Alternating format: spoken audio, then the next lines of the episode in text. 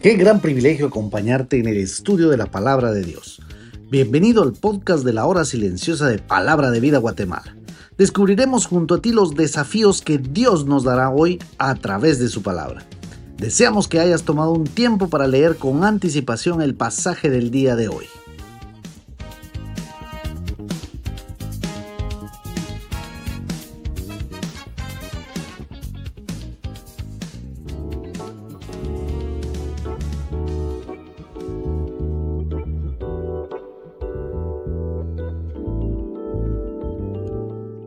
Hola, ¿cómo estás?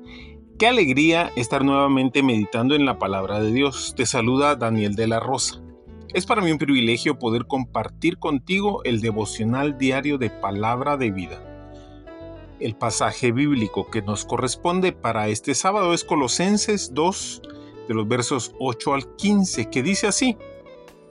Mirad que nadie os engañe por medio de filosofías y huecas sutilezas según las tradiciones de los hombres, conforme a los rudimentos del mundo, y no según Cristo, porque en Él habita corporalmente toda la plenitud de la deidad, y vosotros estáis completos en Él, que es la cabeza de todo principado y potestad.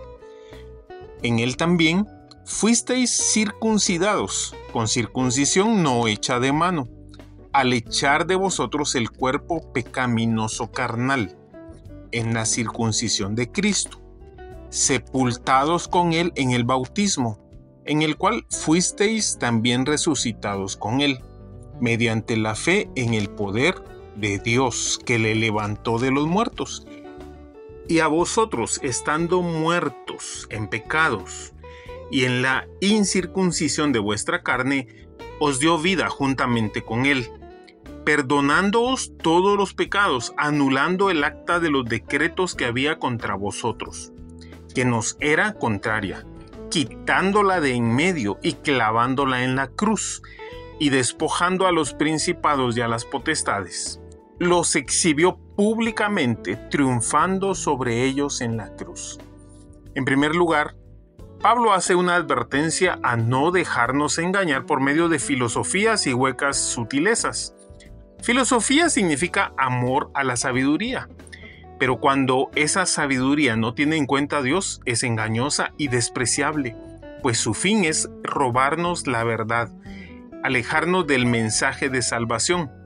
Pareciera que es un conocimiento muy avanzado, pero son simples especulaciones, teorías basadas en mentiras inventadas por un sistema caído, que pretende que amemos la mentira y no le creamos a Dios y a su palabra que es verdadera. Por ejemplo, en estos tiempos muchos se han creído la mentira absurda de que cada ser humano puede elegir el sexo al cual quiere pertenecer, pasando por alto su conciencia, la biología, la ley y el diseño de Dios y el sentido común.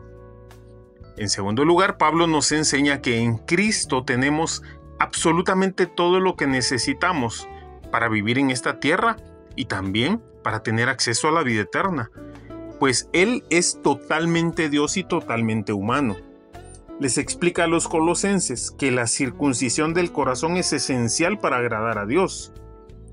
En el momento que ocurre la salvación, el nuevo nacimiento, el creyente es sometido a una circuncisión espiritual, en la cual echamos fuera la carne de nosotros. En Cristo estamos completos, tanto en nuestra posición delante de Dios, porque en Él hemos sido declarados justos, como en saber que en Cristo tenemos todos los recursos celestiales para crecer y ser maduros espiritualmente. El bautismo para el creyente representa que morimos con Cristo al ser sumergidos en el agua y resucitamos con Él al salir del agua. En tercer lugar, el apóstol Pablo hace una fuerte declaración. Nos dice que antes de conocer a Cristo, todos estamos muertos en delitos y pecados. Los muertos espiritualmente no tienen capacidad alguna para revivirse. Una persona enferma necesita un médico, pero una persona muerta necesita un salvador.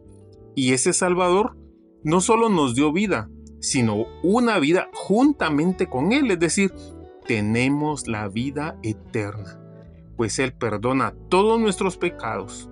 Para nosotros esta es la verdad más importante de las escrituras. Por último, en los versos 14 y 15 nos cuentan una maravillosa verdad.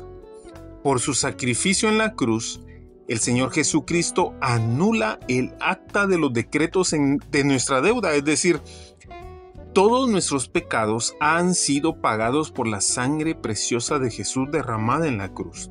Esa acta donde están anotados todos los pecados ya no tiene validez, pues esa deuda ha sido completamente pagada por Jesús. Dios ha borrado nuestro certificado de deuda y ha hecho completo y efectivo nuestro perdón. La cruz representa la más grande victoria, pues el enemigo Satanás y sus huestes espirituales han sido derrotados y despojados, han sido exhibidos públicamente, como cuando un general vuelve de la batalla y desfila con el enemigo derrotado Cristo ganó la victoria sobre todas las fuerzas satánicas en la cruz. Por eso vívelo. Un creyente hizo esta declaración. La muerte de Cristo no solamente otorgó perdón, también manifestó poder. No solo canceló la deuda, fue un triunfo glorioso. Qué maravilloso es saber que todos nuestros pecados han sido borrados en la cruz. Que Dios te bendiga.